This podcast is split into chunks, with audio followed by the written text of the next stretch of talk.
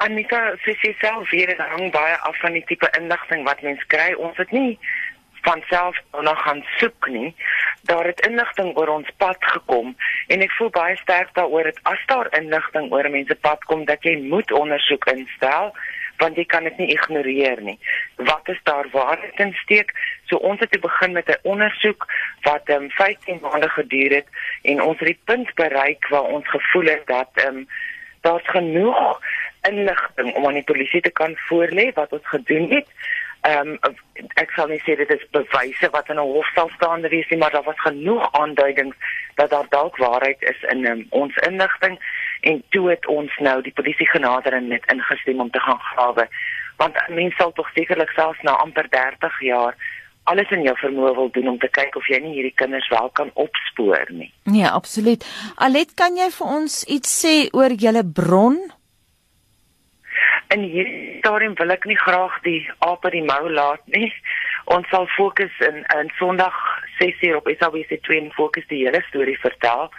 Ehm um, dit het op 'n baie vreemde plek begin, kan ek vir julle sê wat vir my baie vreemd was, maar ons het toe nou daarna ek het vreeslik baie navorsing gedoen nie net in die koerante en in die TV-argiewe en jy weet die SAK se argiewe nie, maar ook mense opgespoor wat vir ons inligting kon gee uit daai tyd uit en um, jy weet van hulle wat daar was en ons het baie feite nagegaan en toe nou um gedink nee hier is genoeg aanduiding. Alet, hoe kom in hierdie spesifieke omgewing? Ehm um, as jy gaan kyk na die verlede sal jy sien dat uh, van Rooyen was baie lief vir KwaZulu-Natal. Dit lyk in elk geval so. En hy het um, graag KwaZulu-Natal toe gekom en dan ook natuurlik het hulle ook graag na ons slotjie toe gekom wat so wat 50 km suid van Blysdale is. Nou die rede daarvoor is is dat Joey Haarhof se man met wie sy getroud was voordat vir Gert ontmoet het, hy is oorlede. Ehm um, Japie Haarhof was sy naam en hy was in die leer, die Suid-Afrikaanse leer. En toe hy nou oorlede is, het sy al daardie voorregte wat hy gehad het natuurlik behou. En um, een van die voorregte was dat hulle kon gaan vakansie hou by Omslotie by die leer se vakansie eenhede. Ehm um, so hulle het nogal graag Omslotie toe gegaan en ek dink ook ehm um, daar's baie ander plekke waarvan mense praat waarvan Rooien ook gesien is.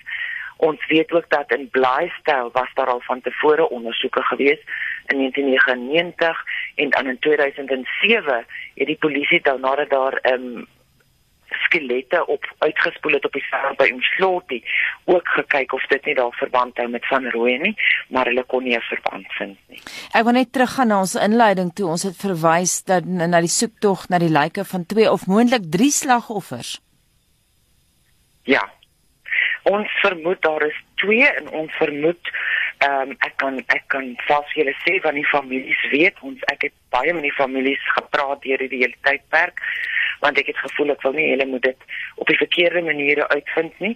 Ehm um, my vermoede is dat Anne Marie Wapenaar en Odette Boucher die twee is wat dalk saam begrawe is op die straat en dan vermoed ons daar is 'n derde een en ons vermoed dit is Joan Horn en dat sy voor hulle begrawe is en 'n bietjie 'n entjie weg van hulle af begrawe is.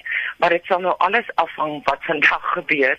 Ek vermoed as ons iets kry, sal ons verder soek.